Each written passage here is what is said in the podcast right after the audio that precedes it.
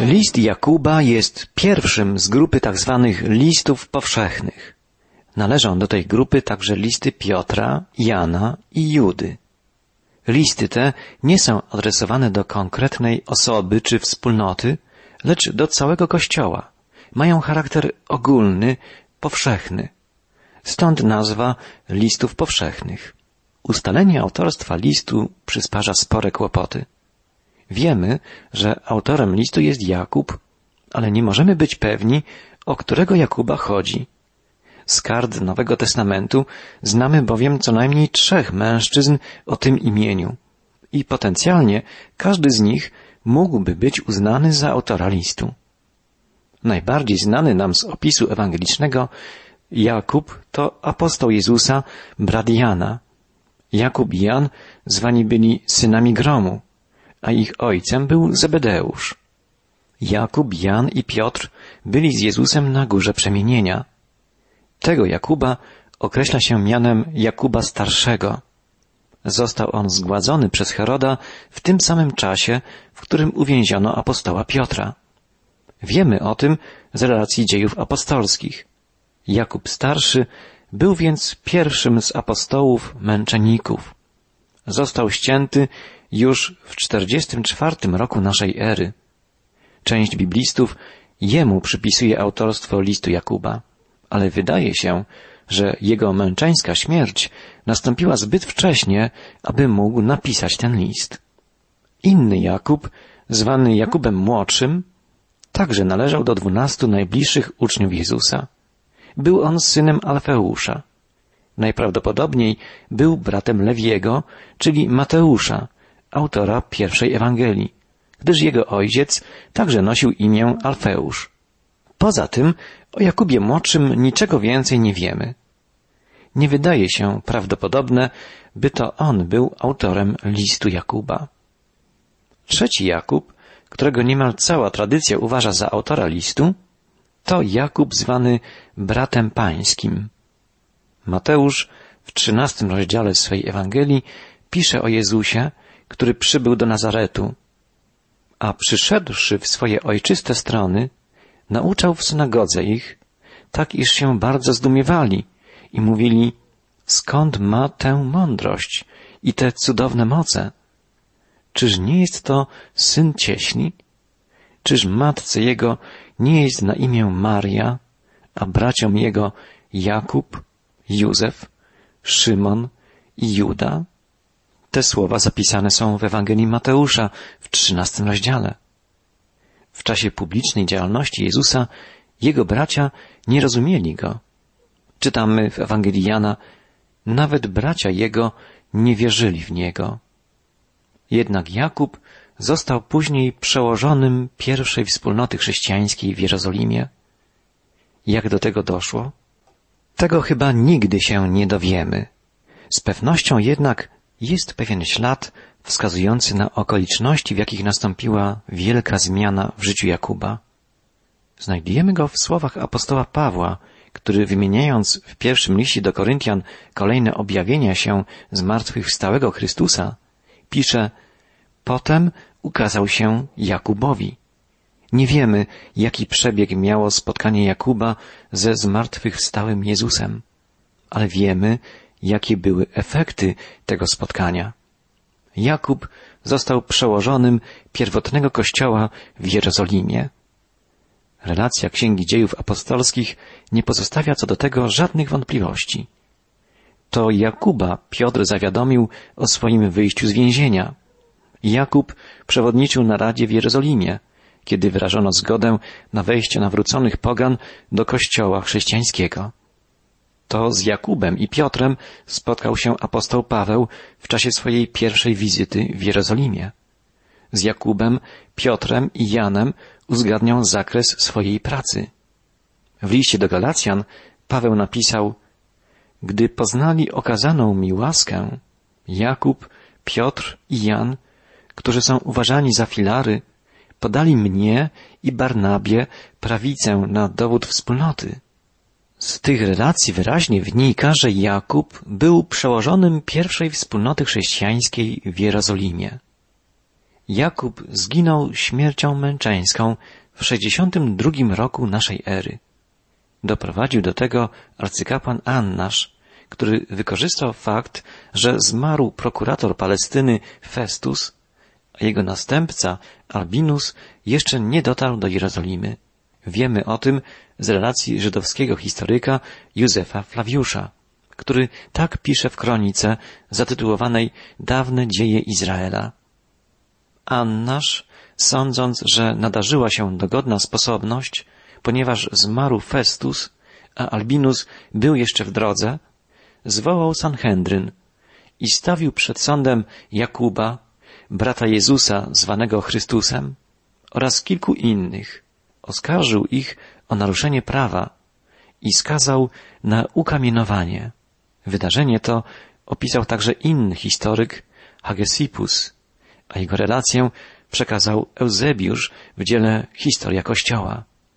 Czytamy tam, między innymi, że gdy kamienowano Jakuba, modlił się on, błagam Cię, Panie, Boże, Ojcze, przebacz im, gdyż nie wiedzą, co czynią. A przedtem, zaprowadzony przez uczonych w piśmie na krużganek świątyni, zapytany, powiedz nam, kim jest ten Jezus? Odpowiedział, dlaczego pytacie mnie o Syna Człowieczego? Siedzi On w niebiesiech, po prawicy wielkiej mocy, skąd przyjdzie na obłokach niebiańskich. Jakub został więc męczennikiem, wiernym sługą Jezusa, wyznającym Go jako Pana do ostatnich chwil swego życia. Skoro zginął śmiercią męczeńską w 62 roku naszej ery, jego list datować należy z pewnością przed tym terminem. Przypuszcza się nawet, na podstawie analizy treści i formy listu, że mógł on powstać bardzo wcześnie, jeszcze przed soborem w Jerozolimie, a więc przed 49 rokiem naszej ery. Jest to więc prawdopodobnie jedno z najwcześniejszych, jeśli nie najstarsze pismo kanonu Nowego Testamentu.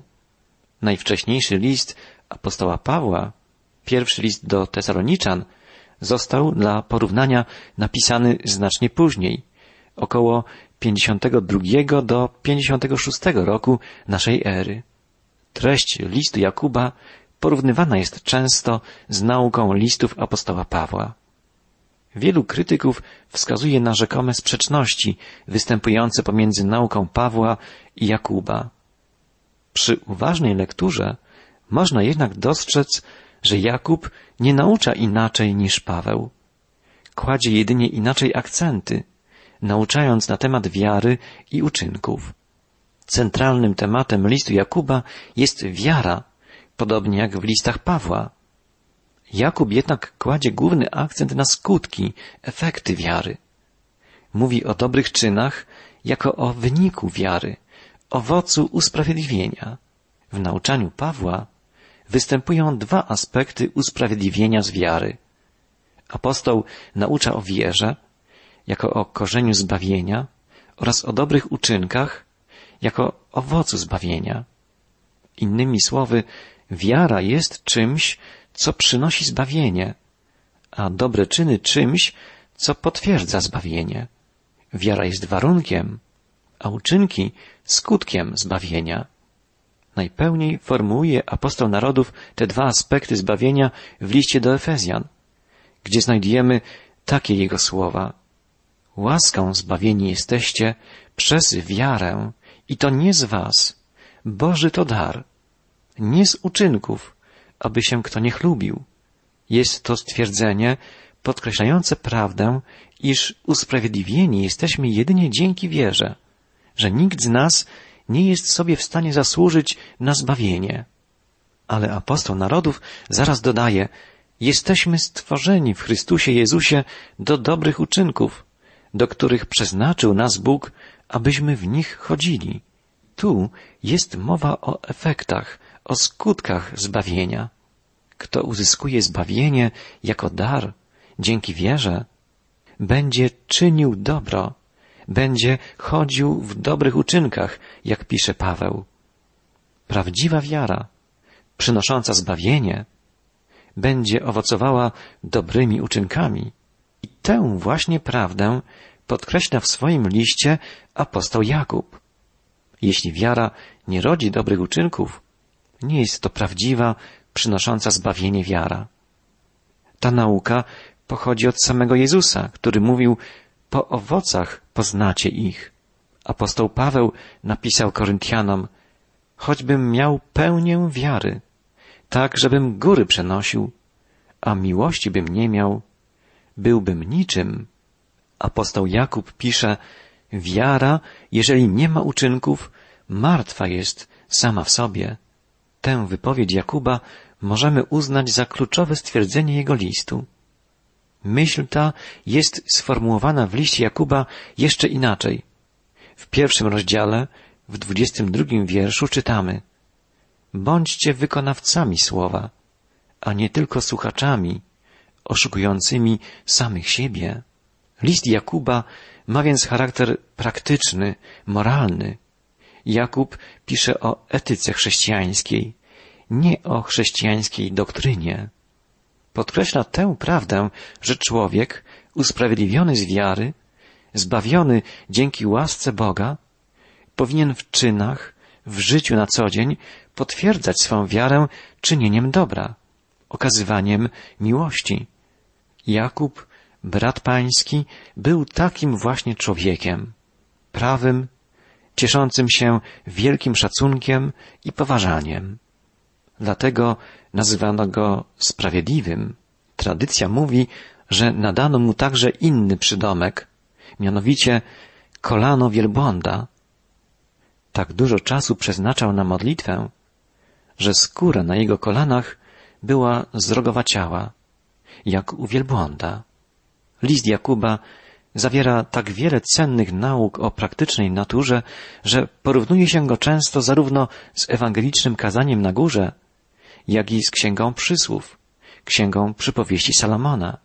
Apostoł Jakub omawia chrześcijańską postawę wobec różnych doświadczeń i pokus. Podkreśla wagę dobrych czynów płynących z wiary. Przede wszystkim czynów miłości bliźniego.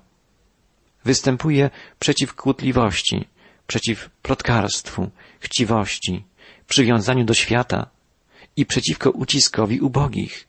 Jest więc list Jakuba jednym wielkim wezwaniem skierowanym do chrześcijan, by prowadzili życie godne wyznawanej przez siebie wiary, życie prawe, uczciwe, mądre, aktywne, słowem życie godne uczniów Jezusa Chrystusa.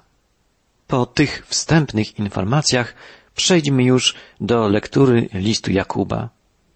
Zanim przeczytamy jednak jego pierwsze słowa, poprośmy Boga o błogosławieństwo na czas naszych rozważań.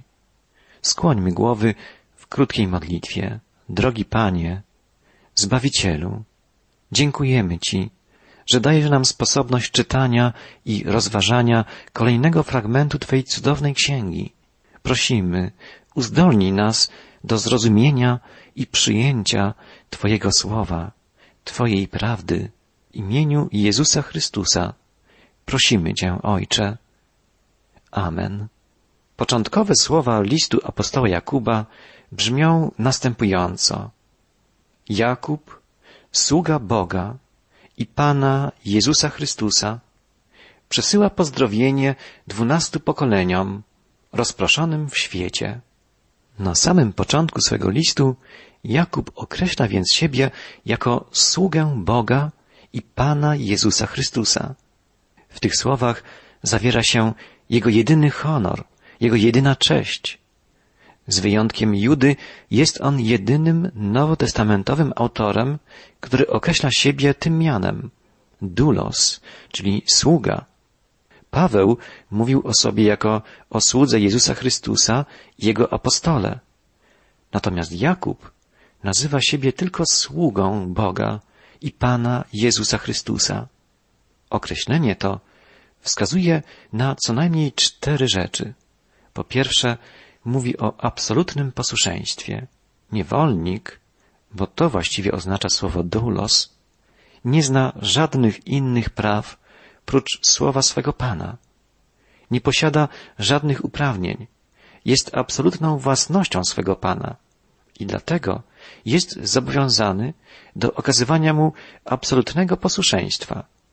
Po drugie, słowo to mówi o absolutnej pokorze. Człowiek ten nie myśli o swoich przywilejach, lecz wyłącznie o obowiązkach, nie o swoich prawach, lecz o zobowiązaniach wobec innych. Człowiek, który określony jest takim słowem doulos, to ktoś, kto zupełnie zatracił siebie w służbie Bogu.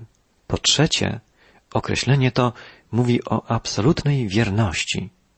Określa człowieka, który w niczym nie szuka własnych interesów, ponieważ wszystko, co czyni, czyni wyłącznie dla chwały Bożej. Własne korzyści czy własny prestiż w ogóle nie wchodzą dla niego w rachubę. Jest on wierny wyłącznie swemu Panu. I po czwarte, mimo wszystko jest to określenie zaszczytne. Zamiast hańby i poniżenia stało się ono tytułem, którym obdarzano największych mężów Starego i Nowego Testamentu. Na przykład Mojżesz był nazwany Bożym Sługą. Byli nimi również Jozue i Kaleb, patriarchowie Abraham, Izaak i Jakub, Hiob, Izajasz. Słowo doulos, sługa, było szczególnym określeniem proroków. Tak nazywano Amosa, Zachariasza, Jeremiasza. Mówiąc o sobie jako o słudze, niewolniku Pana, Jakub staje więc w szeregu tych, którzy swoją wolność, swój pokój i chwałę znaleźli w pełnym poddaniu się woli Boga. Jedyna wielkość, do której chrześcijanin zawsze powinien dążyć, polega na staniu się sługą Boga. W tym pozdrowieniu otwierającym list spotykamy jeszcze jedną niezwykłą rzecz. Jakub używa tu słowa hairein, które zwykle występowało w świeckiej korespondencji, w języku greckim. Paweł nigdy nie używał tego słowa. Jego pozdrowienia zawsze miały wyjątkowo chrześcijański charakter. Pisał na początku na przykład łaska i pokój wam. Natomiast tutaj znajdujemy jak gdyby świeckie pozdrowienie. Występuje ono tylko dwa razy w całym Nowym Testamencie, oprócz listu Jakuba. Na przykład rozpoczyna się nim list Klaudiusza Lizjusza, oficera rzymskiego, skierowany do Feliksa. Treść tego listu zapisana jest w dziejach apostolskim w 23 rozdziale, a także list ogólny Soboru Apostolskiego, zezwalający chrześcijanom pogańskiego pochodzenia na dołączenie się do Kościoła. Ten list zamieszczony jest w dziejach apostolskich w rozdziale 15. Temu spotkaniu w Jerozolimie przewodniczył właśnie Jakub. Możliwe więc, że Jakub zarówno w tamtym liście, rozesłanym wszystkim chrześcijanom pochodzenia pogańskiego, jak i w tym liście, adresowanym głównie do chrześcijan wywodzących się z Żydów, celowo użył tego samego greckiego pozdrowienia, pragnąc, by listy te dotarły do jak najszerszego grona czytelników. Swój list kieruje Jakub do dwunastu pokoleń, które żyją w rozproszeniu. Dosłownie pozdrawia dwanaście plemion w diasporze, czyli ma na myśli Żydów mieszkających poza granicami ziemi obiecanej.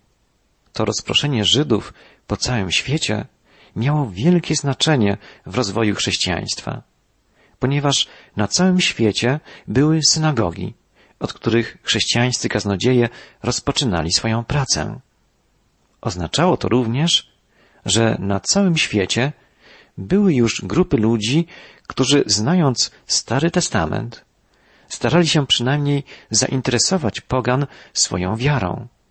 Żydzi byli siłą wyrzucani ze swego kraju i zmuszani do życia w obcym kraju jako wygnańcy. Zasadniczo były trzy takie wielkie deportacje.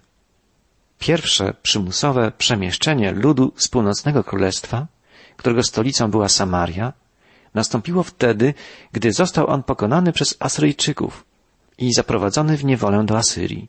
Los ten podzieliło dziesięć pokoleń izraelskich, które nigdy nie powróciły z niewoli. Sami Żydzi wierzyli, że owych dziesięć plemion powróci do Jerozolimy dopiero w czasach ostatecznych, nie wcześniej. Przekonanie to opierali na dość dziwnej interpretacji tekstu Starego Testamentu. Rabini dowodzili, dziesięć plemion nigdy nie powróci, gdyż powiedziano o nich, wyrzucił ich do innej ziemi, jak to jest do dzisiaj. Te słowa zapisane są w księdze powtórzonego prawa, czyli piątej księdze Mojżeszowej. Skoro dzień dzisiejszy przemija i nigdy nie wraca, tak i one odeszły i nigdy nie powrócą. Gdy ten dzień kończy się i znowu powstaje światło, tak i nad tymi dziesięcioma plemionami, które teraz są w ciemności, kiedyś zajaśnieje światło. Tak uważają rabini. Druga deportacja nastąpiła około 580 roku przed Chrystusem. W tym czasie Babilończycy pokonali południowe królestwo, którego stolicą była Jerozolima i najwybitniejszych z ludu zaprowadzili do Babilonii. W Babilonii Żydzi zachowywali się różnie. Przeciwstawiali się wszelkim wysiłkom zmierzającym do ich asymilacji i utraty cech narodowościowych. Zostali rozmieszczeni głównie w miastach Neherdea i Nisibis. To właśnie w Babilonii nauka żydowska osiągnęła swoje szczyty. Powstał tutaj Talmud babiloński, ogromny, sześćdziesięciotomowy wykład prawa żydowskiego. Pierwsze wydanie wojen żydowskich Józefa Flawiusza ukazało się nie w języku greckim, lecz w aramejskim i zostało naukowo opracowane przez uczonych żydowskich właśnie w Babilonii.